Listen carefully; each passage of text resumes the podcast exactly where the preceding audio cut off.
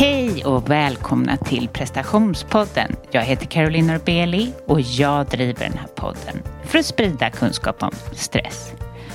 Och dessutom för att ta reda på hur presterar man och mår bra och hur lever man på bästa sätt i den här världen och mår bra. Jag är liksom en nörd inom personlig utveckling. Är du intresserad av att ta del av mina gästers bästa tips så gå gärna in på carolinorbeli.com och lämna en recension. Jag känner att jag flåsar lite. Jag hoppas inte det hör. Jag gick just upp för trappan. Det var alldeles för mycket. Det är väl en eh, liten, eh, jag vet inte, kanske för att jag, det är en stressad period eller stressad, det är det inte. Ni har ju hört mig snacka om nu att ah, jag har ju de här födelsedagarna. Och det är 50 år här och det är 80 år och mamma fyllde faktiskt 80 igår. Och det kändes så otroligt mycket i mitt hjärta. Därför att mamma, ja, 80, det indikerar ju på, på att vi inte har kanske sådär jättelång tid på oss. Eller, eller jag tror i och för sig att hon blir 100, kanske 13 år för att hon har, hon är otroligt ung för sin ålder. Men det är ändå sådär, påminner mig om att jag inte har henne för evigt. Och det är jag jätteglad över att bli påmind om. För att någonting man kan ta för givet så är ju kontakten med sin mamma. Det är det som är så otroligt coolt. Mamma och jag har inte alltid haft det särskilt bra tillsammans. Inte när jag var i tonåren och så.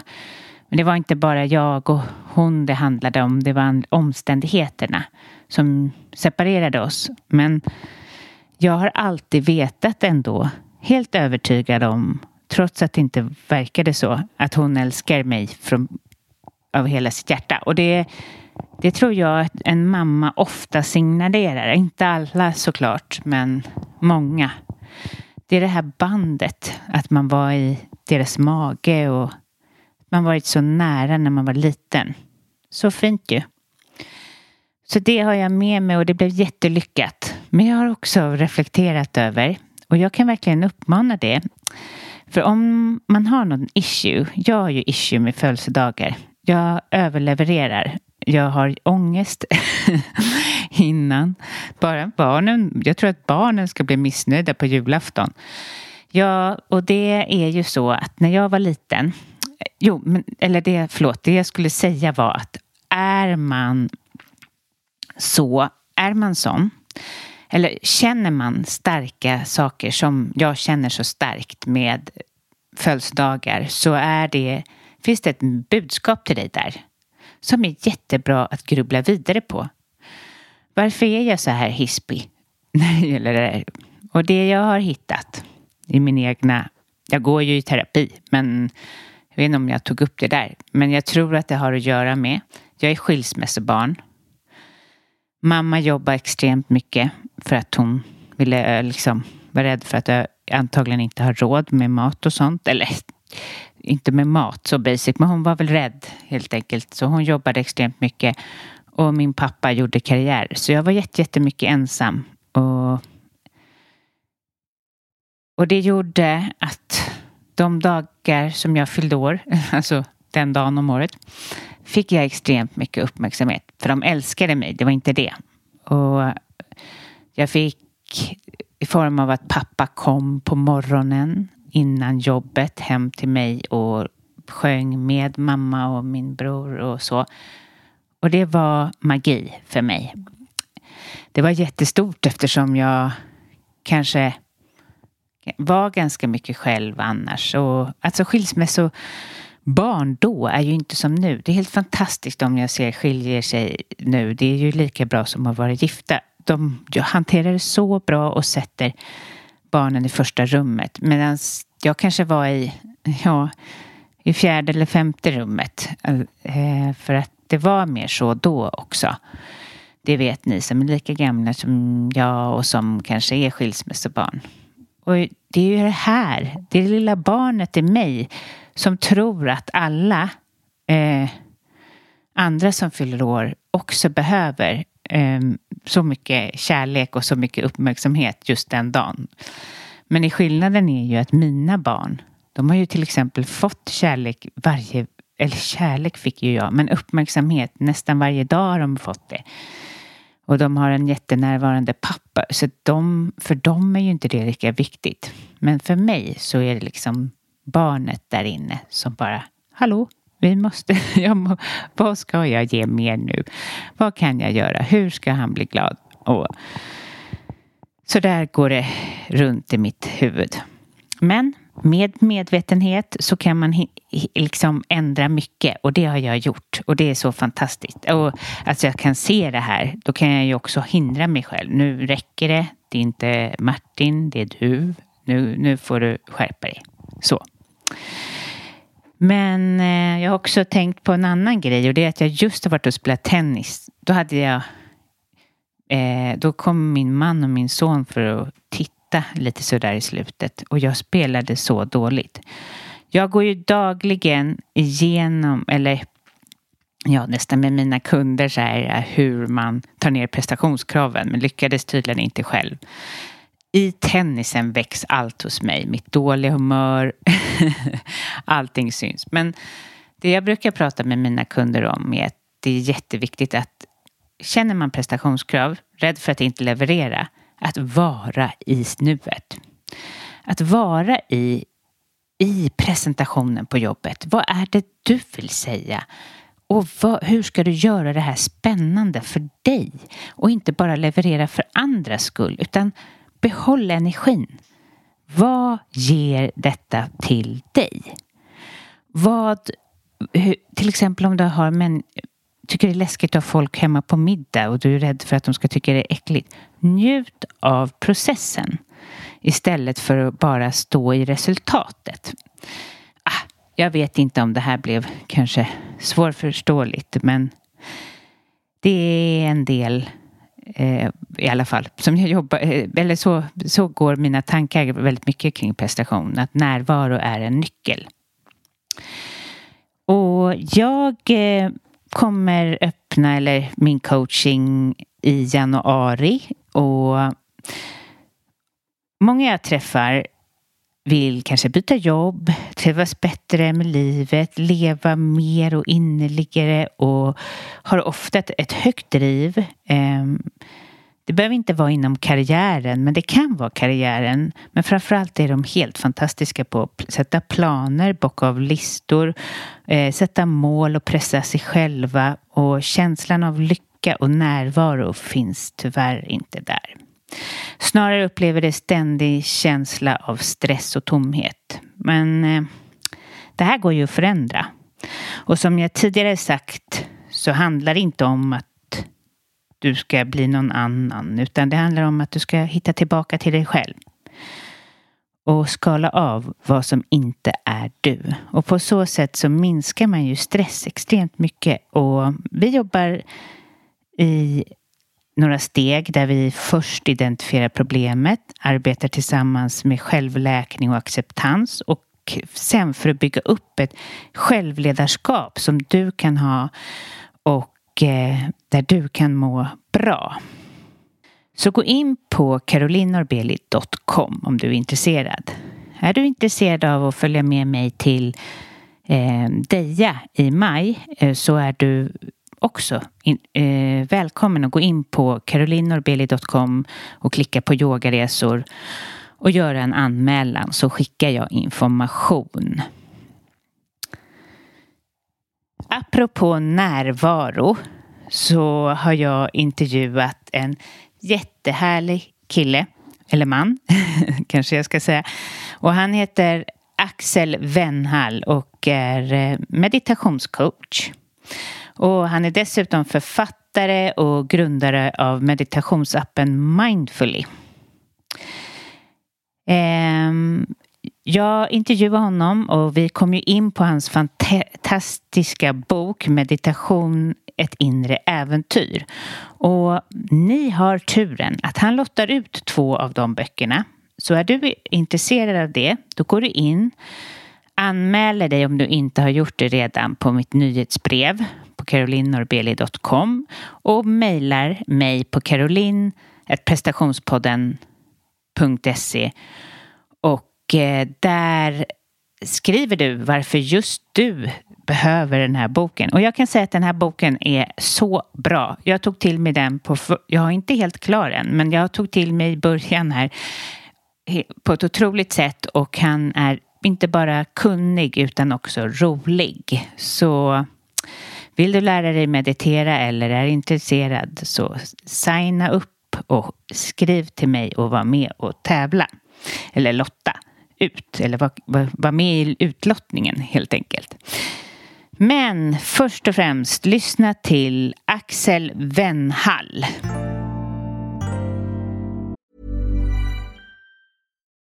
Since 2013, Bombas has donated over 100 million socks, underwear, and t-shirts to those facing homelessness. If we counted those on air, this ad would last over 1,157 days. But if we counted the time it takes to make a donation possible, it would take just a few clicks. Because every time you make a purchase, Bombas donates an item to someone who needs it. Go to bombas.com slash ACAST and use code ACAST for 20% off your first purchase. That's bombas.com slash ACAST, code ACAST. Ever catch yourself eating the same flavorless dinner three days in a row? Dreaming of something better? Well, HelloFresh is your guilt-free dream come true, baby. It's me, Kiki Palmer. Let's wake up those taste buds with hot, juicy pecan-crusted chicken or garlic butter shrimp scampi. Mm. Hello Fresh. Stop dreaming of all the delicious possibilities and dig in at HelloFresh.com. Let's get this dinner party started.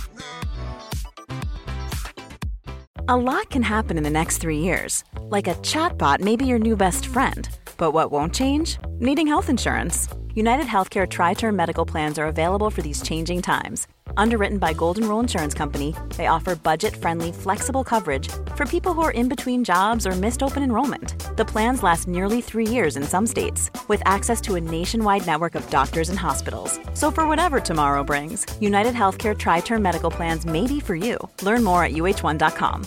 Everyone knows therapy is great for solving problems, but getting therapy has its own problems too, like finding the right therapist, fitting into their schedule, and of course, the cost. Well, BetterHelp can solve those problems.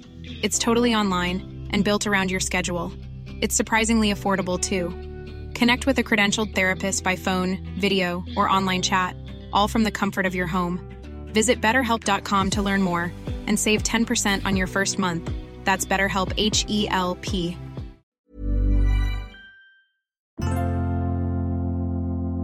Hej och välkommen till prestationspodden Axel. Hej Caroline, tack för att jag fick komma hit idag. Ja, men jätteroligt. Berätta för lyssnarna, vem är du? Jag eh, arbetar som meditationscoach idag och eh, driver en svensk meditationsapp som heter Mindfully. Där vi eh, ja, har samlat några av Sveriges ledande experter och eh, tagit fram meditationer som eh, ja, men är helt enkelt anpassade utifrån var man befinner sig i livet. Så oavsett om man är stressad eller har svårt att sova eller om man är väldigt nyfiken på det här inre äventyret som jag kallar det. Så där är jag medgrundare och tar fram eh, många av våra meditationer. Eh, dessutom så eh, jobbar jag som meditationscoach mot framförallt företag. Så jag är ute och föreläser, håller workshops eh, och eh, ibland bara guidade meditationer. Och eh, dessutom nu så har jag precis gett ut min debutbok Meditation ett inre äventyr. Du har många ben att stå på. Det, det, jag vet att det kan vara det är ju ganska utmanande. Ja, och för mig framförallt så som så det, det, jag presenterar nu var väl liksom meditationsaxel som är här idag. Och förutom det så eh, ja, men det som är absolut viktigast i mitt liv är att jag, jag lever tillsammans med min fru Anna och vår lilla dotter Juni som snart är fyra månader. Och eh, är väl liksom en, eh, en vanlig kille utifrån bemärkelsen att jag, jag tycker om att kolla på fotboll, jag tycker om att åka skidor, eh, älskar att vara ute i naturen. Så att, eh, och liksom lever, trots att jag arbetar som meditationscoach, så lever jag ett vanligt liv. Eh, jag, jag, bor inte i något ashram eller någonstans där. Men, men jag eh, älskar meditation och är väldigt tacksam över att jag kan jobba med det. Men däremot det som passar mig bäst är att kunna få utlopp för min, ja, min kreativitet på olika sätt. Och det får jag idag genom allt de här, de här olika sakerna jag gör. De fyller olika syften och funktioner. Mm. Men eh, precis, men eh, det är ju det som är härligt att du gör meditationen till någonting oflummigt. Eh, alltså det här med att du inte måste bo i ett ashram för att vara meditationslärare. Att du faktiskt kan bo i en lägenhet i Stockholm. Och ja, det är mm. bra för människor. Ja, men det jag upptäckte när jag när jag liksom förstod vad meditation verkligen var. Jag fick en himla fin introduktion, så jag är tacksam för det. Det var just det här att meditation handlar inte om hur vi sitter eller ens hur länge vi sitter. Det handlar inte om var man befinner sig. Det handlar inte om eh, hur tydligt man kan känna sitt andetag eller att man ska sluta tänka utan när jag blev introducerad för meditation och förstod vad essensen var. Och det var närvaro. Närvaro och medvetenhet. Att jag kunde ha förmågan att ha min uppmärksamhet i det som hände utan att värdera det. På ett, på ett, liksom ett, eh, med ett väldigt klart medvetande. Och då börjar man, och när man sen börjar undersöka det så börjar man inse att ja, men den här närvaron är inte beroende av var vi är eller var vi befinner oss. Utan om det finns något mål med meditationen så tyckte jag i alla fall att det borde väl vara att kunna föra in den här närvaron i allt jag gör. Mm. Och sen se, okej okay, men vilka situationer är det som allra svårast att vara närvarande? Och där visste jag att okej, okay, men det är här jag behöver öva. Men, och vilka är det för dig? Ja, det är en, det är en bra fråga. Jag, just, just nu så har jag eh, jag har, precis hållit på, eller jag håller på och flyttar. Mm. Eh, och jag har väldigt mycket jobb. Här, vi, när vi ses nu så är vi liksom inför juletider. Jag tror många känner igen sig i att så här, det här är en hektisk period. Eh, och som jag också nämnde så är jag precis småbarnsförälder. Så liksom, det har hänt väldigt mycket i livet just nu. Och det skulle jag säga, det är, en, det är liksom en, när jag är stressad. Alltså när det, när det blir för mycket. Mm. Eh, det är utmanande situationer. Och sen tycker jag det där är så himla fascinerande. Men att det kan ibland vara svårt för mig att vara närvarande faktiskt i mina närmsta relationer. Ja, just Jag sitter just och tänker på det. Alltså för mig själv alltså. Eh, hur det är. Ja. Känner du igen dig i det? Ja, alltså när man som mest skulle vilja vara närvarande efter en arbetsdag och träffar sin helt otroliga dotter liksom, som har någonting att säga kan man ibland ha svårt att komma ner och liksom eh, möta på samma våglängd eller vad man ska säga. Mm. Ja, nej, men eh, jag, jag, känner igen det där. Mm. Och, um, men det är också där jag tycker liksom, guldet finns. För precis som mm. du säger att när man är närvarande med de som betyder mest så får man ju uppleva liksom vad det här livet har att erbjuda. Alltså den närv mm. närvaron och kärleken som vi kan när vi kan möta de eh, mm. människorna som betyder mest för oss är ju värd all meditationsövning som jag har gjort i alla fall. Jag skulle vilja att vi bara back, eller backar bandet så här. Eh, vad var liksom, du har ju inte varit eh, haft den här typen av karriären hela livet utan berätta vad som förde dig egentligen in till det här. Mm. Nej men det stämmer. Jag, eh, jag är uppvuxen i Västerås och sen flyttade jag till Uppsala där jag läste ekonomi. Eh, och gjorde det och var väl lite sådär fundersam medan jag pluggade vad jag ville göra. Men sen sista året så eh, blev jag mer och mer intresserad av marknadsföring. Mm. Och sen landade jag, direkt efter att jag hade tagit min kandidatexamen, så landade jag ett jobb på en, eh, en av Sveriges största PR-byråer. Mm. Och eh, det var en trainee-position där förutsättningarna var glasklara. Alltså det var liksom det var utannonserat som ett av Sveriges tuffaste kommunikationsjobb för att det var högt tempo, det var långa arbetstimmar. Eh, det var lite som en tävling och det här kickade igång mig något fruktansvärt. Och, så jag började jobba där och jobbade som mitt första liksom, riktiga jobb efter studenten eller efter examen var Eh, det här jobbet. Jag jobbade över 80 timmar i veckan. Eh, men det var faktiskt egentligen inte det som gjorde sen att jag tog steget och började jobba med meditation. Utan jag hade sen en karriär som kommunikationskonsult i sju, åtta år. Och även om jag jobbade på tok för mycket under den här perioden så lärde jag mig jättemycket. Fick fantastiska vänner. Däribland en av mina krävande chefer. Men det var liksom, den har ändå någon, jag liksom, när jag reflekterat över, okej okay, men vad var det som fick mig att komma in på meditationen? Och vad var det som fick mig att till slut liksom stanna upp? Så, så var det ändå att det fanns en del i mig som hela tiden ville tävla, som ville prestera. Som ville vara duktig, som ville vara bäst, som ville vara snäll och som ville vara duktig. Eh, och som, eh, ja men. All, allt. Ja, man skulle liksom vara aldrig nöjd.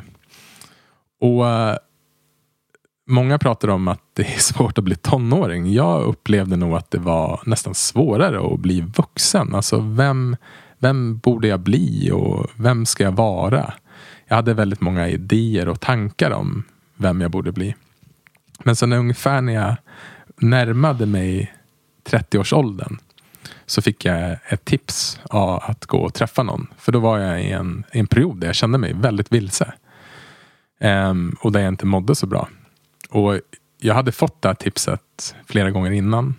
Um, min andra mamma jobbar som samtalsterapeut och hade liksom, eh, liksom ja, men, tipsat mig om att det kan vara till fördel att gå och prata med någon. Men jag hade liksom slagit bort det där att det där behöver inte jag. Det är liksom, nej, det där är ingenting för mig. Men nu var jag i en situation i livet där jag kände att jag inte hade någonting att förlora. Varför var det så? Hur, var du liksom på gränsen till utmattad eller var, du, var det bara för mycket? Eller var det bara att du var lost helt enkelt? Ja, men, ja, men jag, var, jag var inte på väg att bli utmattad men jag eh, jag var liksom inte ärlig mot mig själv och jag hade inte varit det under en period. Och ehm, Helt enkelt, jag visste inte vem jag var på ett sätt. Och jag, och jag, kände mig liksom väldigt förvirrad och mm. hade liksom ingen tydlig riktning. Och ja, men, äh, var, var, bara vilse i livet på det sättet. Och då gick jag till slut och träffade en coach. Och sen när jag klev ut genom dörren så insåg jag att det här var nog det bästa beslutet jag tagit i mitt liv. Och jag beskriver om det, eller jag skriver om det i boken att eh, istället för att gå till en PT som de flesta av oss känner igen, så var mm. det som att jag fick gå till en MT, en mental tränare. Och det var så otroligt värdefullt att få gå och prata med någon som inte värderade, jämförde, kritiserade utan en, helt enkelt en närvarande plats. Mm. Um, där jag fick hjälp att sortera mina känslor, mina känslor och mina tankar. Mm. Och framförallt så fick jag hjälp sen med att undersöka vem jag faktiskt var och se att jag hade identifierat mig väldigt mycket med den här rollen som presterare. Den här delpersonligheten som vi alla har och som är fantastisk för den fyller så många funktioner. Men den är ju inte den vi sant är. Och eh, Så när jag fick den här formen av, vi skulle kunna kalla det ett uppvaknande. Ett uppvaknande om vem jag egentligen är. Att jag är den som är närvarande och kan bevittna den här delen. Jag kan se min personlighet lite utifrån. Precis. Och det, det, eller ja, det här är bara en personlig... Eh, många pratar om andligt uppvaknande. Mm. Eh, men då tänker jag så här, men har, har det inte varit det hela tiden? Eller att man, att man föds ju som en andlig varelse. Alltså, men du menar att man har glömt bort det? Eller vad menar man med det? Jag ska passa på att fråga. Ja, men det var en ganska fin eh, liknelse tror jag. Att man, man har nog glömt bort vem man är. Ja. För, för jag menar, oavsett om vilket ord vi vill säga, om det är ett mm. andligt uppvaknande eller om det är ett uppvaknande till att man inser att okay, men det finns en del i mig som kan observera andra mm. delar. Mm. Um, på engelskan skulle vissa använda ordet awareness eller consciousness, mm. alltså medvetande, medvetenheten på svenska. Mm. Så det som var för mig var ju att jag, jag tog mig för att vara den här presteraren. Jag behövde alltså min, min identifikation med mig själv, alltså vem jag såg mig själv vara, var att jag var den här, eh, den här personen som alltid behövde vara bäst. Mm.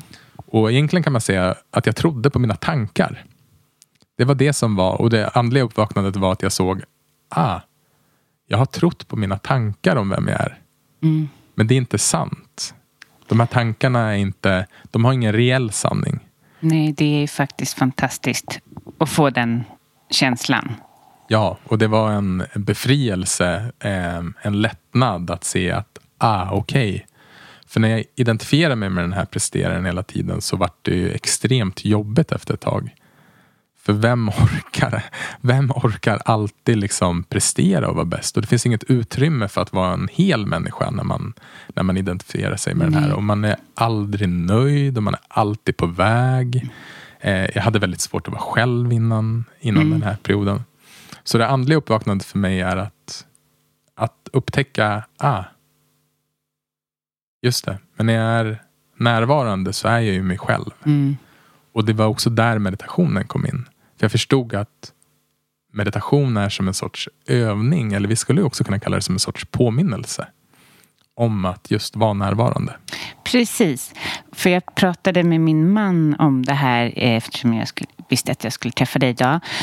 Och han är väl kanske, han är ingen motståndare. Han ser ju att jag mår bra i det och liksom allt sånt. Men han är väl en frågesättare. Så han är så här, men vad då? Om jag åker skid, eller för då hade han läst en artikel om nyligen att eh, till exempel eh, man kan lösa trauman när man eh, vindsurfar. Alltså inte lösa men att det är bra.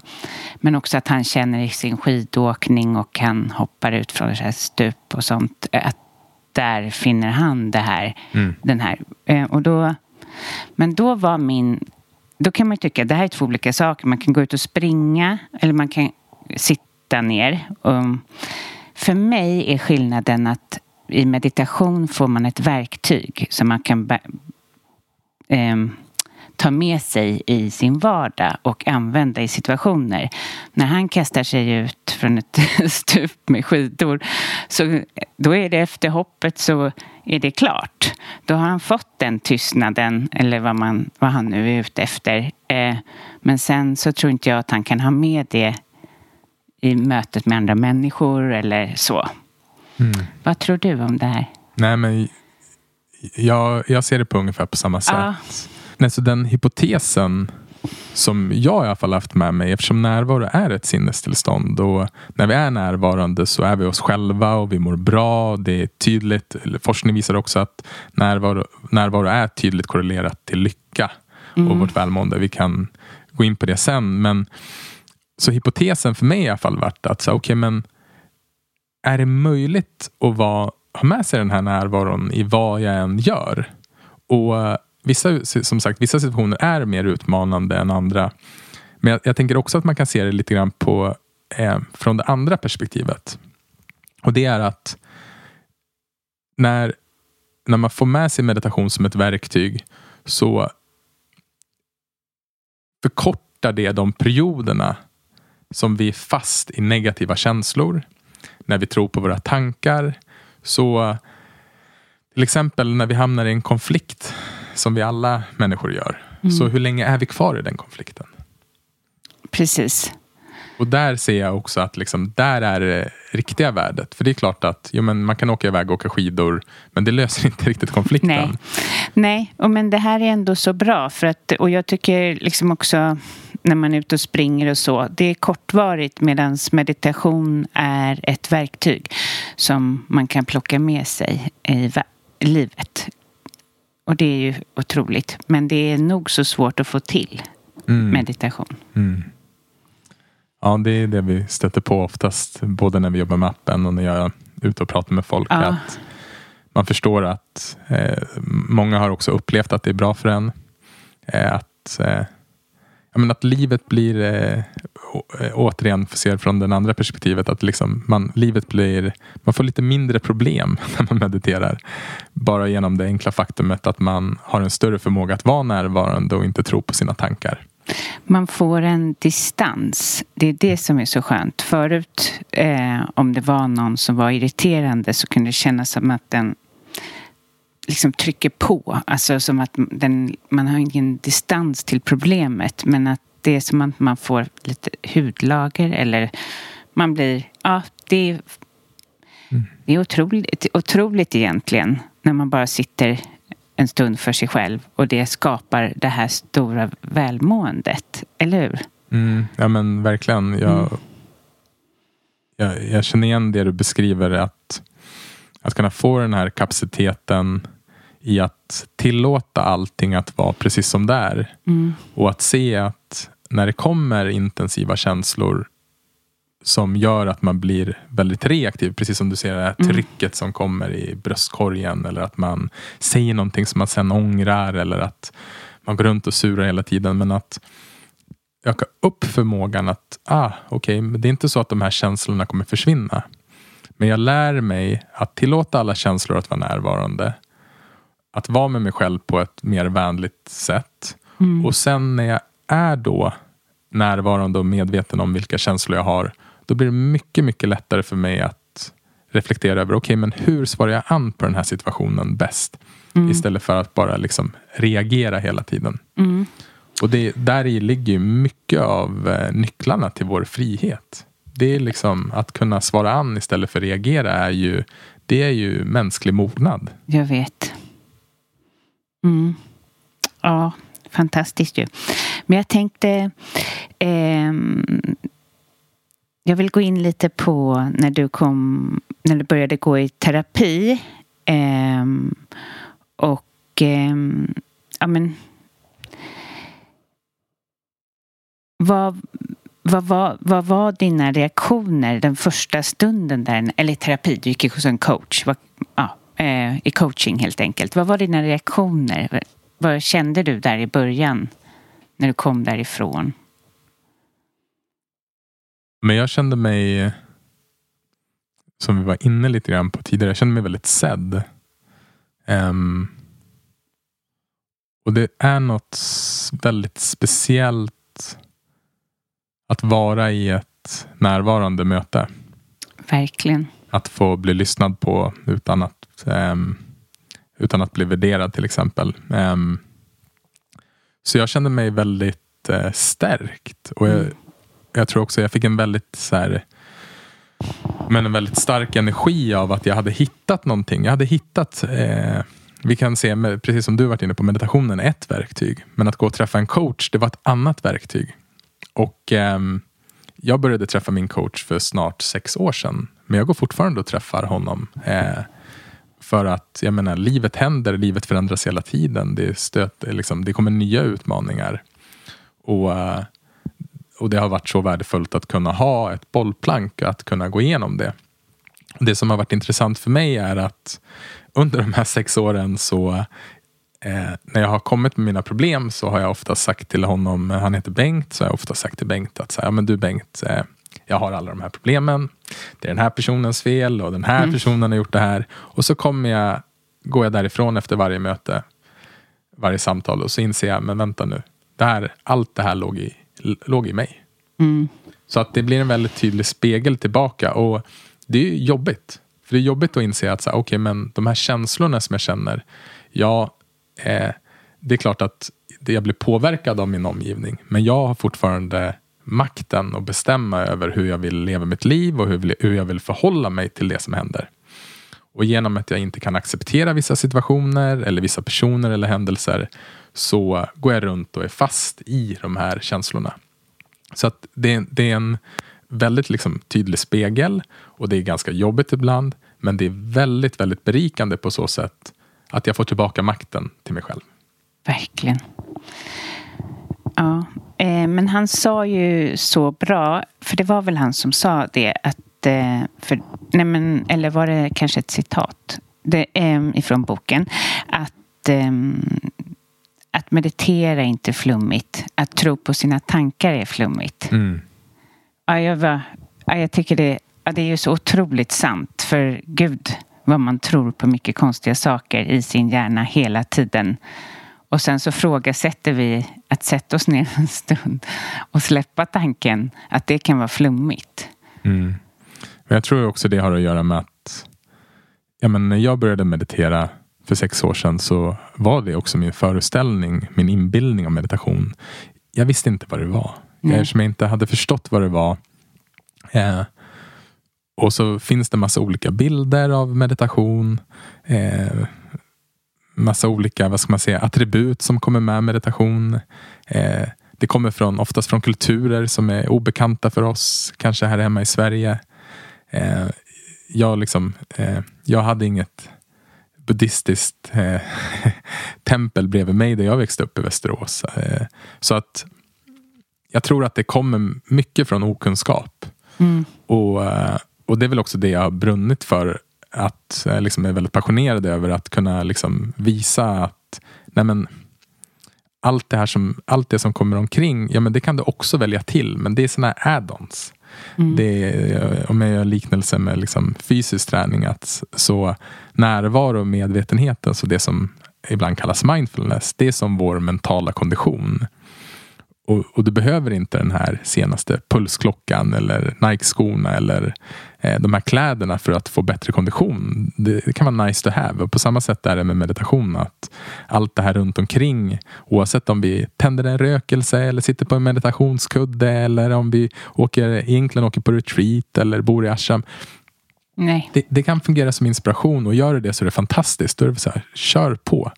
Men det är inte det som är essensen. Så um, Um, ja. jag, jag, tänker när du liksom, du kom från den här lite om man säger coola kommunikationsbranschen då eh, med lite sådana typer av människor med högpresterande kan jag tänka mig runt omkring det. Vad, hur reagerade de när du alltså, skulle börja sitta ner och lyssna till dig själv? Blev de förvånade? Oj, vilken bra fråga. Jag hade, jag hade en middag med några av mina äldsta kompisar förra, förra helgen.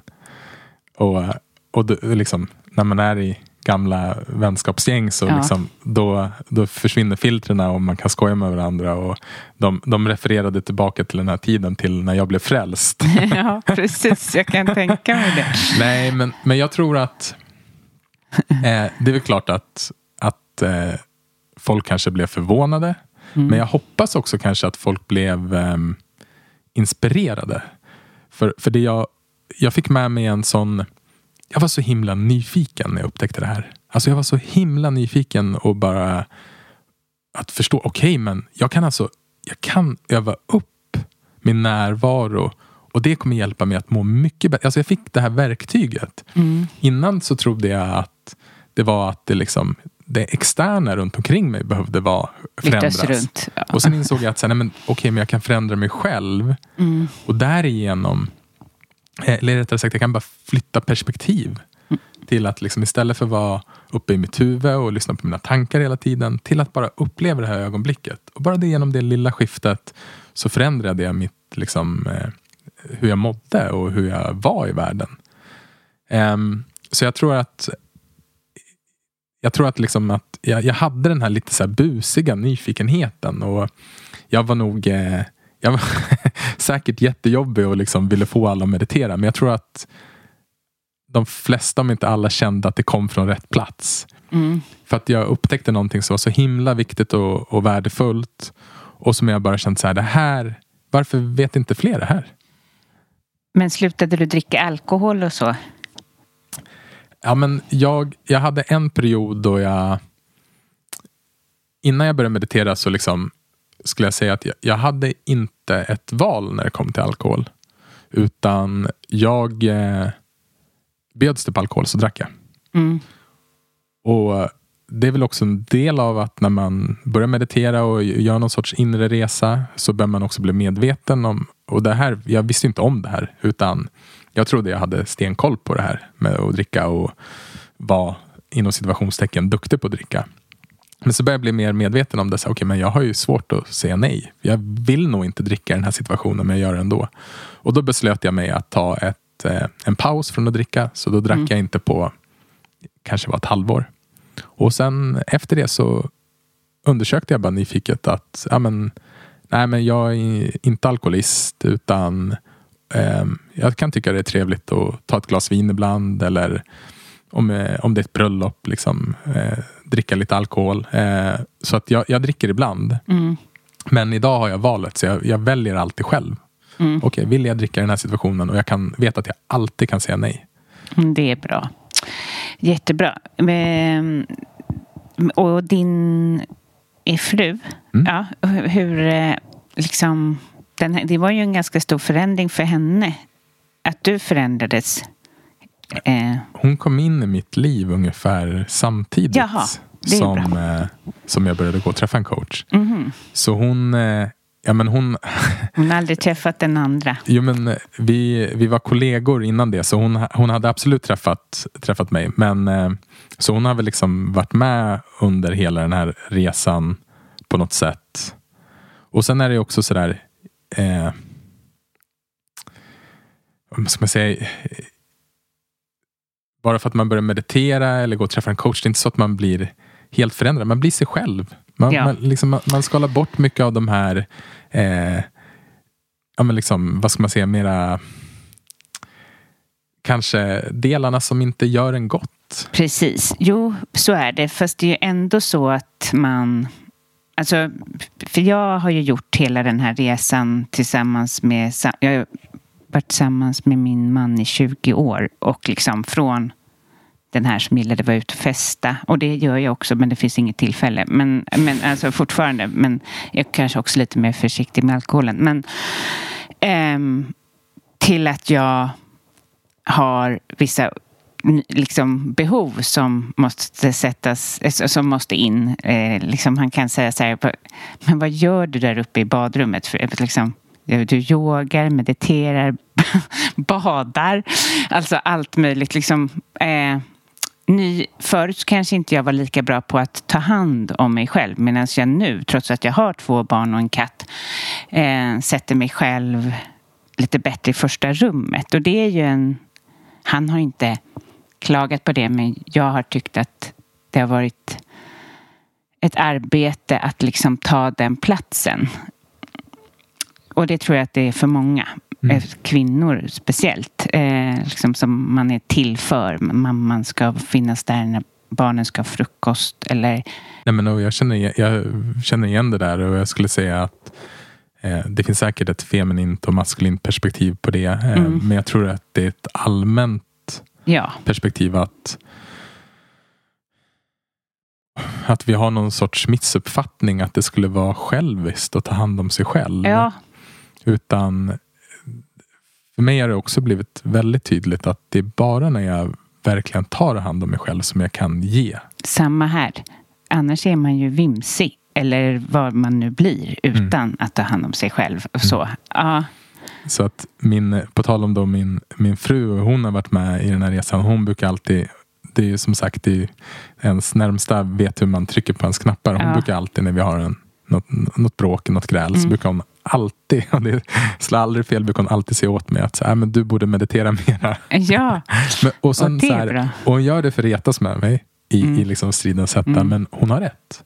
Mm. För att jag vet ju att om jag sätter mig och mediterar och liksom låter mina känslor få vara där utan att jag försöker liksom stöta bort dem och sen liksom kommer till den lite klokare delen av mig själv som är mm. så okej okay, men hur vill jag hur vill jag liksom hur vill jag vara i den här situationen? Är det här mm. viktigt på riktigt eller kan jag släppa taget om det? Har jag, mm. kan, jag, kan jag be om ursäkt? Kan jag liksom säga förlåt om jag har gjort någonting dumt? Kan jag förlåta henne? Eh, så att, och, liksom, och inse att så här, nej, men, eh, nej, men, livet är för kort för att hålla på med liksom, de här tråkiga bråken. Utan, men om jag inte tar hand om mig själv, om jag inte mediterar så får jag ju mer konflikter i livet. Jag får mer bråk, jag får mer också konflikter med mig själv. Så att jag skulle ju säga att att liksom ta hand om sig själv är en av de liksom mest eh, altruistiska handlingarna vi kan Eller göra mot andra. Ja, och det är så roligt för min, min bror började under eh, pandemin. Han satt inlåst i en lägenhet i Madrid eh, på grund av pandemin då. Och eh, då började han meditera och ja, även för sig lite innan dess. Eh, men, men sen började han yoga och laga mat. Eh, det hade han inte gjort tidigare för han mer, eh, ehm, jobbat väldigt mycket. Ja.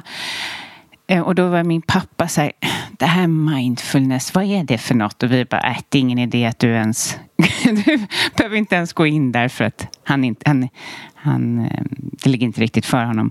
Men han tänkte så här, är det inte lite egoistiskt? Hörde jag honom säga. Mm. Att, och jag kan tänka mig det är ganska vanligt ifrån den generationen. De har ju inte fått fått eller gett sig själv den tiden och de ser på det här med självutveckling och allt vad det här kan vara. Vad är det för något? För de har inte fått det själva så att säga. Jag tror återigen att det kommer utifrån en missuppfattning vad det handlar om. Um, för, för det, det är som en... Jag tänker liksom att utifrån ett, ett perspektiv där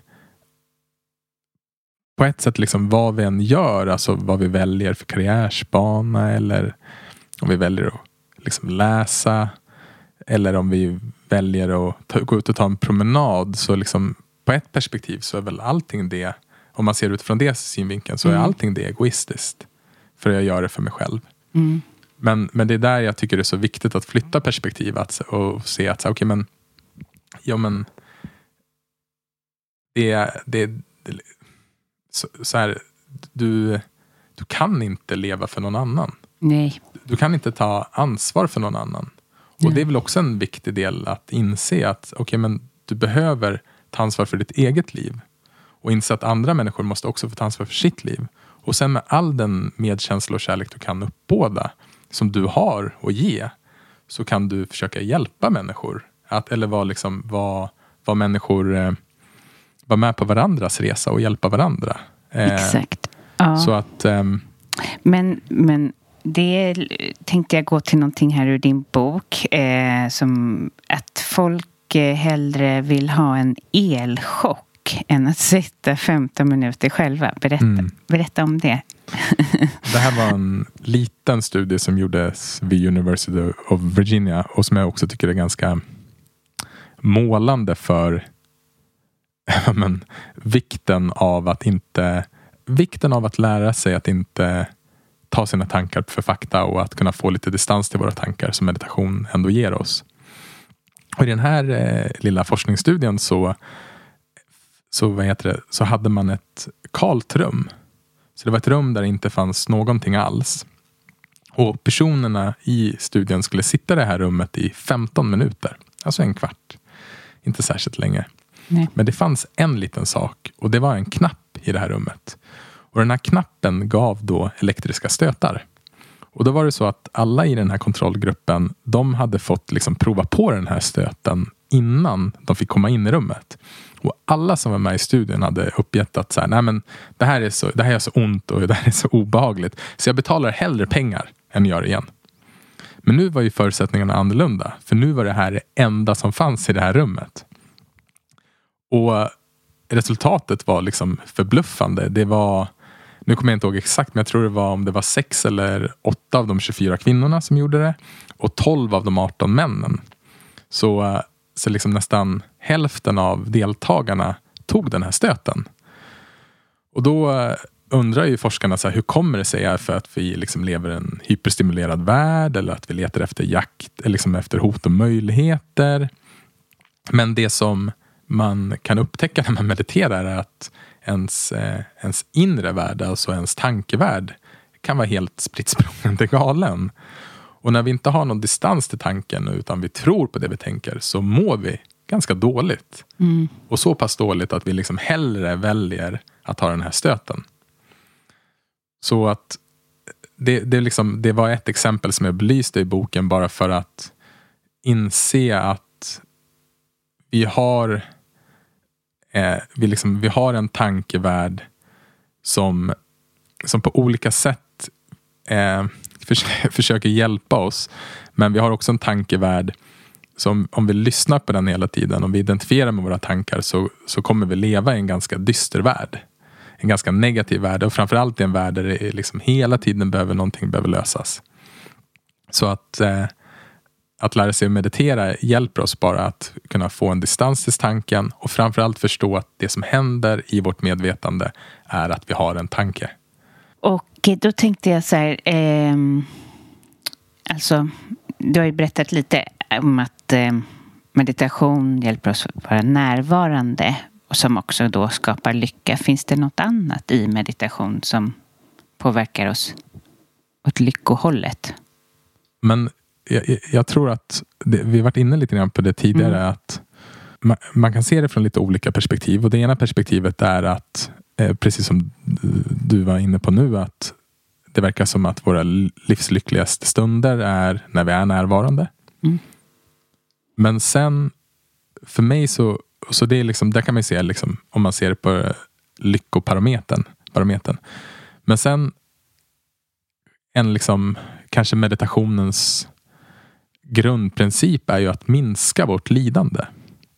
Alltså att eh, och, och, lidande, det här lidandet som man kan minska med hjälp av meditation är inte den, det lidandet som är alltså en emotionell smärta eller en fysisk smärta. Alltså vi kommer fortsätta, fortsätta vara människor. Men det är hur vi förhåller oss till det som händer. Mm. Så det kan snarare ses som att det, det är motstånd vi har mot det som händer. Att vi är emot, vi säger nej till saker som händer i vårt liv. Vi eh, går runt och tänker att det inte borde hända. Eller vi går runt och är ständigt missnöjda för att våra, vi tror på våra tankar som säger att nej men, vi måste ha den här nästa grej, nästa grej. Så, så jag tycker också att där i, och för mig är det lycka, alltså att när jag, när jag liksom kan släppa taget om en tanke.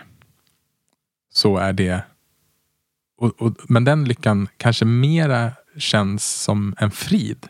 Som en stillhet. Som ett allt är okej.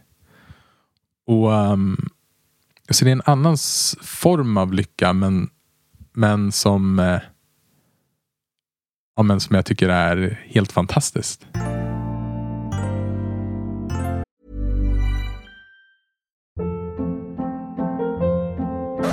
Hold up. What was that? Boring. No flavor. That was as bad as those leftovers you ate all week. Kiki Palmer here, and it's time to say hello to something fresh and guilt-free. Hello Fresh. Jazz up dinner with pecan-crusted chicken or garlic butter shrimp scampi. Now that's music to my mouth. Hello Fresh. Let's get this dinner party started. Discover all the delicious possibilities at hellofresh.com.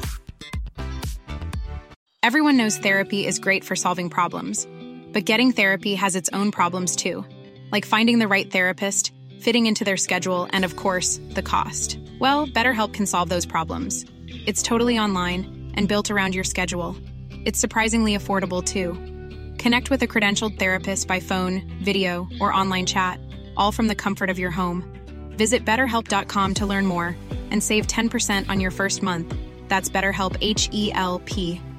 This is Paige, the co-host of Giggly Squad, and I want to tell you about a company that I've been loving, Olive and June. Olive and June gives you everything that you need for a salon quality manicure in one box. And if you break it down, it really comes out to $2 a manicure, which is absolutely insane. It's also so easy to get salon worthy nails at home with Olive and June. The difference between how your nails used to look when you did them yourself and now with the Manny system is a complete game changer. The best thing about Olive and June too is it's a quick dry, dries in about one minute, lasts for five days, and full coverage in up to one to two coats. Visit oliveandjune.com slash perfectmanny20 for 20% off your first system. That's oliveandjune.com slash perfectmanny20 for 20% off your first system. System.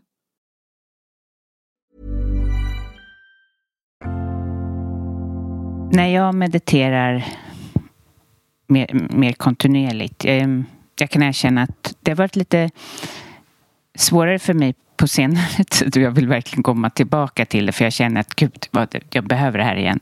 Det, ja, det beror på pandemin, att, men, alltså, man har ju mycket att skylla på.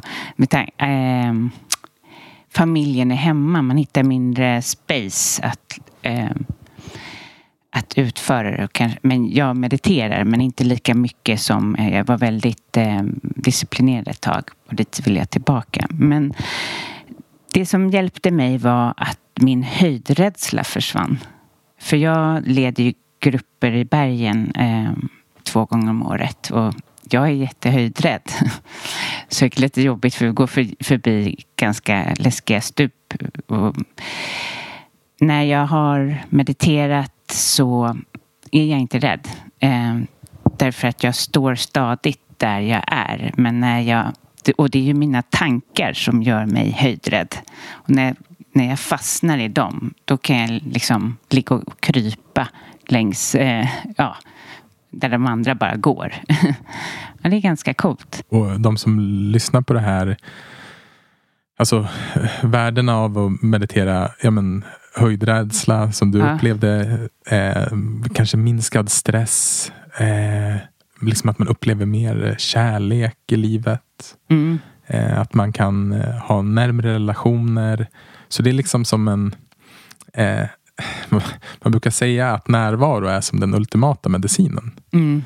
Det, är liksom, det är applicerbart på allt i livet. Ja. Um, vilket, betyder, vilket inte betyder att det är det enda vi behöver. Men, men vi kan applicera närvaron och se att ah, okej, okay, här blev det lite lättare. Här blev det lite härligare. Här blev mm. det, och bara en sån sak som att Tänk dig hur mycket fantastiskt det finns i det här livet som att dricka en kopp kaffe, äta mörk choklad, mm. kolla på en bra film och att verkligen göra bara det. Mm. Och att verkligen uppleva vårt liv. För det är någonstans när man pratar om meditation och det är liksom det kan bli lite abstrakt ibland men egentligen det är så jäkla enkelt. Det handlar om att vi ska uppleva våra liv. Det är, liksom, det är närvaro och det är vad meditation bjuder in oss till att göra mera. Att uppleva våra liv istället för att hela tiden gå runt och tänka om dem. Hela tiden vara fast i berättelser om det som har hänt eller det som kommer hända. Och sen kunna använda tankarna som ett verktyg när vi behöver det. Så att, men då vet vi att okej, okay, men nu behöver jag planera för framtiden. Så gör vi det. Och sen när man är klar med det så kan man uppleva det igen. Eh, inför prestation då, vad tänker du är meditation behjälpligt? Ja men verkligen. Och, och som, jag, som jag var inne på tidigare så den här presteraren som jag hade. Alltså problemet var inte att jag har en presterare utan det har vi allihopa. Jag menar utan en presterare, vad skulle vi kunna åstadkomma då? Mm. Men problemet var att jag var identifierad med presteraren. Mm. Så jag, liksom, dens världsbild var min världsbild. Och jag skulle säga att dels kan meditation hjälpa oss att se att ja, men, presteraren är som ett sorts verktyg vi kan använda. Och själv bli mer medveten om när behöver jag det här verktyget? För, för det har väl liksom också blivit varse om att säga, ja, men, för många av oss så kickar den här presteraren in när vi ska gå och lägga oss. Vi tänker på allting vi måste göra och liksom hjärnan blir högaktiv och bara tankarna rusar. Och då bara kunna flytta uppmärksamheten till exempel in i kroppen igen. Kunna landa. Eh, är det liksom ett enkelt knep som man kan använda. Så att jag skulle säga att ändra relation till ens prestation och sen för också när man är i ens presterare så gör man mycket av eh, mycket från rädsla. Alltså rädsla för att inte duga till, rädsla för att inte, ja men rädsla för att vara medelmåttig. Exakt. Att eh, också liksom begära att man hela tiden måste ha någonting för att vara lycklig. Bara det här händer. Och, och så kan man istället då börja undersöka, okay, men vad är det jag själv vill? Mm. Och det här är inte, det, liksom, det låter som en väldigt enkel fråga. Men att komma i kontakt med sig själv och säga, okej okay, men, nej, men det här är verkligen det jag vill. Och se att ibland kanske i livet har man gjort vissa val som eh, inte stödjer det man själv vill nu så krävs det också ett mod att göra de förändringarna. Men så att man liksom checkar in med sig själv. Ja, men vad är det jag vill och vad är det jag vill göra nu? Och sen att eh, ja, men använda sin presterare och, mm. och, och leva det livet man vill. Det är fantastiskt. Att inte följa egot också. Mm. För egot brukar ju förvilla en lite. Alltså det här, det som bara är tankestyrt. Och att man hamnat på så mycket felaktiga banor och kan få sig eller jag själv kan få så här, nej men nu ska jag starta igång det här. Men inte kontakt med mig själv. Och så startar jag igång någonting som tar både tid och visar sig vara fel. Ja. Mm. Så det är viktigt att vända sig inåt verkligen. Och våga. Ja, ja men, eh, för jag tänker det att eh, alternativet att inte vända sig inåt är just att vi, vi styrs av egots rädslor och begär. Så att det, det, det är liksom ett så här, ja, men ett klassiskt uttryck är att det är, det är jobbigt att bli medveten. Men det är jobbigare att inte vara medveten. Ja, det jag är inne på här lite är um, att det här, man har en känsla och en tanke eller det man inspireras av i sociala medier och hör om munkar som går upp klockan fyra. Um, måste man meditera på morgonen? Nej, men det underbara är att man måste ju verkligen ingenting. Nej, vad bra. Nej, ja. men eh, det, alltså. Bokens titel är Meditation, ett inre äventyr. Och, mm. och egentligen vad ett inre äventyr är, eller en andlig resa, en livsresa, är ju att undersöka vad är, vad är, vad är det här livet för mig? Mm. Vad är det som passar mig? Vad är sant för mig? Och eh, det är så lätt hänt att vi ja, men, lyssnar till berättelser om att den här personen går upp klockan fem och gör alla de här fantastiska sakerna. Och det är så man ska göra, det är vägen. Men är det det för dig? Det är den frågan man behöver mm. ställa. Mm. Mm. Så liksom, vad, vad är gynnsamt för dig? Så att till exempel, jag har haft en lång meditationsrutin där jag har mediterat på morgonen eh, eller på förmiddagen. Och det har varit eh, jättevärdefullt för mig. För att jag har upptäckt då att men då kan jag liksom ha med mig den här meditationen lite in i dagen. Mm. Eh, det känns som att jag startar dagen på rätt sätt. Jag har jämfört det ibland med att jag dricker en kopp superkaffe som liksom försöker hålla i sig. Men sen så jag blivit pappa så har ja, men min morgonrutin har blivit helt ändrad. För då Precis. kanske jag leker med min dotter eller Välkommen. sådär. Ja, tack. Och eh, så ibland nu så är det sista jag gör innan jag går och lägger mig. Mm. Så bara stannar jag upp och liksom förankrar mig i nuet. Tillåter allt att vara precis som det är. När jag märker att jag liksom har försvunnit iväg i något dagdrömmeri eller att jag liksom sitter och planerar morgondagen så inser jag, okej okay, men just den här korta stunden mediterar, då ska jag inte göra det. Så släpper jag taget om tanken och så återigen bara upplever jag allt som det är. Så att, mm. så att jag, liksom, frågan är alltid faktiskt, vad är det som passar dig? Och, vad, och, och se att det liksom förändras. Och sen så finns det ju då såklart massa, massa eh, vad ska man säga, fördelar av att försöka hitta en sorts rutin eller vana där det, där i alla fall att ta sig till meditationen går lite på automatik. Och jag var lite nyfiken, för du nämnde ju tidigare att um, att du hade haft en, en mer av en meditationsdisciplin som sen hade försvunnit? Mm. Nu var jag lite så här spretig. Mm. Eh, oh, här, nu måste jag meditera. Och sen och kanske lite, oj, jag måste. Och sen mediterar jag med alla mina kunder också. Alltså jag börjar alltid så för att landa. Mm. Eh, men, men jag känner att jag behöver ha mycket mer konstant. Eh, att än vad jag har nu. Jag skulle vilja se till att det är exakt varje dag och så. Och gärna upplever jag det om man har lite samma tid, att det ger större effekt. Alltså, när jag började meditera var det på, kväll, på kvällstid, för det var det som fanns. Jag hade också småbarn. Och, eh, ja, men ändå att det är samma tid. Det känns som att kroppen är inställd på det, eller det mentala och att man... Mm, ja, och eh, var, vad är liksom ditt varför till varför du vill meditera, meditera. varje dag? Oh, det är absolut det här med tankarna. Eh, att skapa en distans till tankarna och lugna tankarna. Men alltså, det är jag. Eh, från att ha varit en människa som har tagit ganska mycket av livet för givet på något sätt. Alltså, man växer upp, man har, lever i en viss standard och sådär. Till att det fick mig och hela min livsomställning har fått mig att liksom bara börja uppskatta saker in, in i själen. Alltså det låter, men verkligen stor skillnad.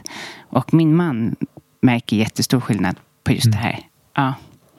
Mm. Det, det är inget slentrian. Det låter som eh, en väldigt positiv förändring i, ja. i för honom också ja. i ert liv. Ja, ja, verkligen. Ja. ja. Jag kunde vara mer, mer närvarande i så här, att se livet liksom. Alltså, och, och njuta av saker på ett helt annat sätt. Ja. Mm. för det jag tänker med sådana här meditationsrutiner, alltså det här. Det viktigaste att komma ihåg är att det är, alltså det är, en, det är jättesvårt att få till en vana. Och det verkar vara jättesvårt. Alltså det verkar, Ja. jag, jag pratade med en amerikansk eh, beteendevetare eller, Ja. eller liksom forskare inom, inom hur man skapar vanor som heter BJ Fogg. Och, eh, och han har framförallt eh, tagit fram en metod som handlar om liksom så mikrovanor. Tiny habits heter det på Mm. engelska. Och så hade jag bara en, liksom ett kort samtal med honom om just så här, skapa meditationsvanor. Och då sa han så här, okej men problemet med meditationsvanor är att så här, det, är, det är typ den svåraste vanan att få till. Ja, För att dels så eh, för att vi ska skapa vanor så behöver vi också få väldigt så här, tydlig feedbackmekanism. Och nu har ju du fått den för du har liksom upp, uppfattat att, eller liksom upplevt själv att okej, men min tillvaro blir liksom lite lättare. Jag får lite distans till tankarna. mm, Jag ökar min närvaro under en dag. Men i början när man mediterar och börjar vända blicken inåt så är det som ett, liksom ett vattenfall av olika tankar och känslor. Det kan liksom, man kan nästan bli lite chockad av hur, liksom, hur mycket som pågår igen. Och att Mm. man kan vara rastlös och det är lite så här, ja men ett otroligt motstånd. Ja, men det som bara exakt- säger, nej, nu ska jag gå och... Ja, så. Exakt. Så, och då är det inte lika lätt att få den här belöningen. Och sen är det ju att vi människor, vi, liksom, vi glömmer bort. Eh, och eh, har vi inte gjort någonting på liksom ett par dagar så är det så lätt hänt att tappa det. Så att eh, eh, liksom det jag har sett och som jag själv behöver applicera nu när liksom mina meditationsvanor har försvunnit och jag behöver skaffa mig nya är liksom verkligen att vara snäll mot sig själv. Att inse att så här, okay, men om det är så att man inte mediterar varje dag eller att man missade en dag, en vecka, en månad, ett år. Börja om nu. Alltså få kontakt med det här varför. Alltså varför vill jag göra och, och liksom, vad kan det ge mig? Och sen också har jag upptäckt att det, det var inte, du sa inte det direkt, men det vart nästan så att du kom in på det när du berättade om närvaro. Att när du började vrida på ditt perspektiv och inte tog livet för givet så äh, var det någonting som också liksom berikade din och din mans liv. Ja, absolut. För han är väldigt bra på, på det. Så, här, så han kunde ju säga wow, vilket ställe. Medan jag säger hej, hej, ja okej, nu går vi vidare här. Medan nu är jag, är jag också där och ser. Liksom. För då tänker jag att eh, en, en av de delarna man kan ha med sig i sin, liksom, påminna sig om varför man vill meditera i sin intention. Att man kanske inte vill ta sina tankar på för stort allvar. Okej, men varför vill jag inte ta mina tankar på för stort allvar? Jo, men jag såklart jag vill må bättre. Men det som också har gett mig väldigt mycket energi, det är att det har varit att tänka på de människorna som jag umgås med. Att, ja men, idag skulle vi ses. Ja, men jag vill kunna ha ett riktigt autentiskt mänskligt möte med dig. Jag vill inte fundera på vad jag ska göra i eftermiddag. Nej. Och när de tankarna dyker upp som de gör för oss Mm. människor så vill jag, liksom, jag vill ha kapaciteten att kunna plocka tillbaka mig hit till det här samtalet. Mm. Så då blir min meditation också, jag, jag liksom, jag, ringen, det blir inte bara för mig själv utan ah, det finns ett värde också att jag kan vara närvarande med de människorna jag möter. Mm. Och, och det speglas tillbaka till mig. För när, när jag är närvarande med människorna i mitt liv eller bara närvarande med dem jag möter så mår jag själv så bra av det. Det är liksom, ah, det är här kontakt Ja, verkligen. det är liksom här livet finns. Så att, så att, eh, ja, men, att fundera på sitt varför tror jag kan vara jättebra. Att undersöka, okej men hur kan jag involvera människorna omkring mig? Mm. Att verkligen vara snäll mot mig själv och inse att det här är en svår vana att få till. Och sen att hitta, liksom, hitta sin, sin grej. Det verkar som att du har kommit ganska långt med att du vet, och eftersom du också har haft en vana, att säga, ja, men, jag skulle gärna vilja ha en fast tid. Okej, när passar den bäst i mitt schema? Hur kan jag liksom stödja det? Mm. Ehm, och, och det är väl också därför lite grann vi, vi eh, tog fram appen för att kunna hjälpa människor just med det här. Att som har liksom, man kan bara sätta på en guidad meditation. Man kan göra det vart som helst, när som helst. Och det, det tror jag också är en viktig aspekt att även om man gärna vill ha den här rutinen den här tidpunkten så vet vi ju alla att så här, det räcker ju att man blir lite sjuk eller att Ja, det dyker in ett möte eller, Exakt. eller vad som helst. Så att man kan vara lite mer flexibel också med sina tider. ja, det måste man vara. För att, eh, ja, speciellt när man har sådana här typer av liv som du och jag. Att man driver sitt eget schema. Så kan, ja, Ja. kan det vara svårt. Mm. Men vad, eh, påminn om, vad heter appen? Så, appen heter Mindfully. just det. Så att, och den, eh, vi har över 250 olika guidade meditationer som är dels anpassade utifrån vart man kanske befinner sig i livet Mm. och vilka om man har utmanande känslor som man vill eh, lära sig att, eller öva sig på att vara mer närvarande med. Mm. Om man är stressad. Och sen har vi också skapat som en sorts meditationsresa för den som är ja, men en nybörjare på meditation eller har börjat meditera och vill liksom förstå grunderna. Gud Så det- vad bra. Ja, så den går i sju olika steg. Så man, gör en, man kan göra en meditation varje dag till exempel. Mm. Och sen har vi också bjudit in flera olika lärare som har tagit fram, vi kallar det meditationsserier som är som små minikurser. Ehm, inom allt ifrån självmedkänsla med Camilla Sköld till eh, varsevarande. Alltså varsevarande är ju Björn, med, med Björn Attiko Lindeblad. Mm. Eh, är ju, är ju liksom hans ord för det vi har pratat om idag. Den här medvetna närvaron. Mm. Eh, till eh, hur man kan stärka sina relationer och meditera tillsammans. Med Daniel Ek som är psykolog och grundare av Vänskapslabbet. För de som är intresserade av skogsbad så har vi en serie med Petra Elora Kau Wetterholm som heter eh, Naturvaro. Så man tar sig ut i naturen och får vara närvarande med hjälp av den. Det är ju lite lättare. Det, det kan vara lite lättare. Ja. Och det kan Ja. vara ett fantastiskt stöd att, att kunna göra det och upptäcka verkligen den levande naturen runt omkring oss. Och det Ja. kan man göra i en skog eller i en park eller i en trädgård.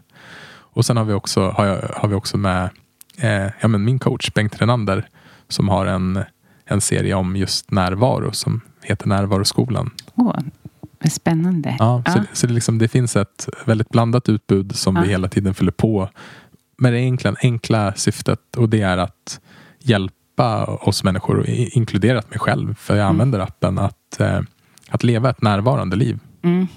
Härligt. Jag skulle kunna prata med dig ja, i någon timme till här. Men eh, ja, livet.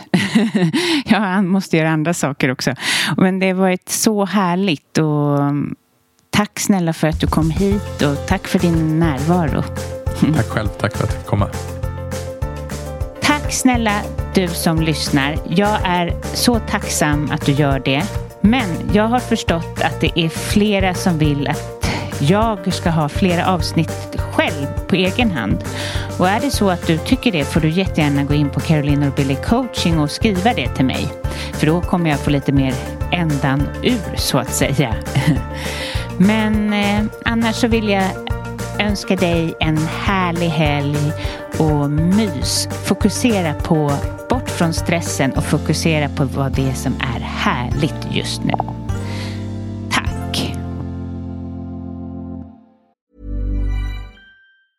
Hey, it's Danny Pellegrino from Everything Iconic.